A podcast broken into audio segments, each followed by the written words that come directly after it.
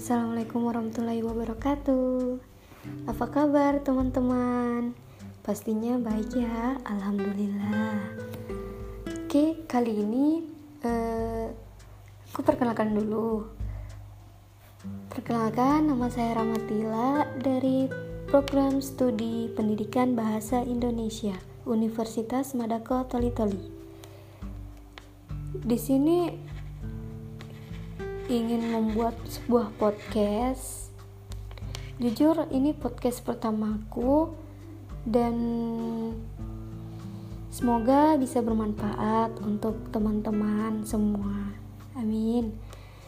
Oke, baiklah kita masuk pada yang kita bahas itu ialah hakikat bahasa, sejarah bahasa, kedudukan dan fungsi bahasa Indonesia.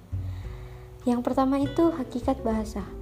Teman-teman tahu nggak apa sih hakikat bahasa itu? Ada yang tahu? Nah, hakikat bahasa merupakan suatu tanda atau sebuah sistem yang disampaikan kepada orang lain dan orang lain tersebut bisa paham. Kemudian kita masuk pada sejarah bahasa. Sejarah bahasa ini ada dua periode. Yang pertama itu sejarah bahasa sebelum kemerdekaan dan yang kedua itu sejarah bahasa setelah kemerdekaan. Yang kita bahas ialah sejarah bahasa sebelum kemerdekaan. Ada yang, yang tahu nggak? Bahasa Indonesia berasal dari bahasa apa? Ayo, tentunya bahasa Indonesia berasal dari bahasa Melayu. Kenapa? Ia terbukti dari penemuan prasasti-prasasti pada abad ke-7 sebelum Masehi yang bertuliskan dari bahasa Melayu.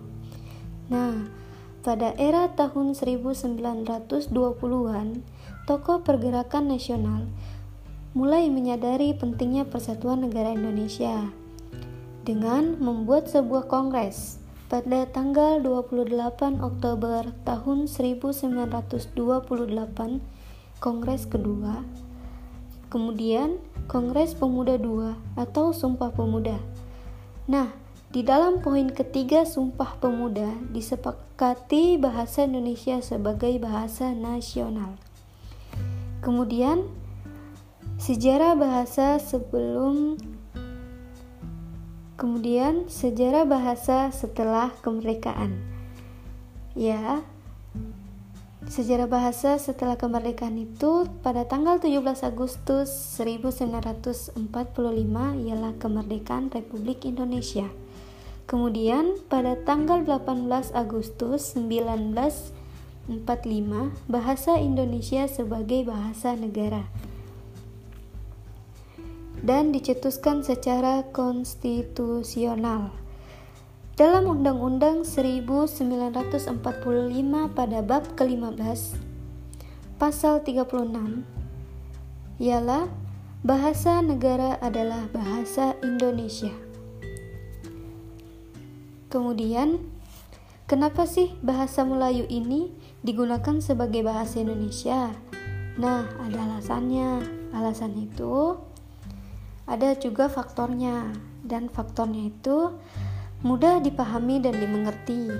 Kemudian, sebagai bahasa perdagangan, adanya kesepakatan dari suku-suku di Indonesia. Wah, ternyata ini bahasa Melayu ini sudah disepakati oleh suku-suku di Indonesia. Kemudian, bahasa Melayu memiliki kesanggupan digunakan sebagai bahasa budaya. Ternyata bahasa Melayu ini sudah sanggup digunakan sebagai bahasa budaya ya. Nah, terakhir, eh, jangan dulu, ini belum yang terakhir ya. Kedudukan bahasa Indonesia. Nah, bahasa Indonesia ini memiliki dua kedudukan. Yang pertama, sebagai bahasa nasional, dan yang kedua, sebagai bahasa negara. Kemudian, kita masuk pada fungsi bahasa Indonesia. Fungsi bahasa Indonesia ini ada tiga. Yang pertama itu fungsi bahasa secara umum. Nah, pertama sebagai alat komunikasi. sebagai alat mengekspresikan diri, sebagai alat integrasi dan interaksi sosial, dan sebagai kontrol sosial. Kemudian, fungsi bahasa secara nasional.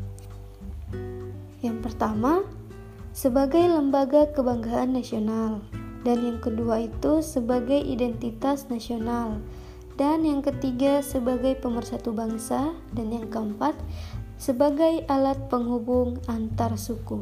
Wah, wah, wah, hebat ya bahasa Indonesia. Dan yang terakhir kita bahas fungsi bahasa secara berbahasa negara. Yang pertama itu sebagai bahasa resmi negara.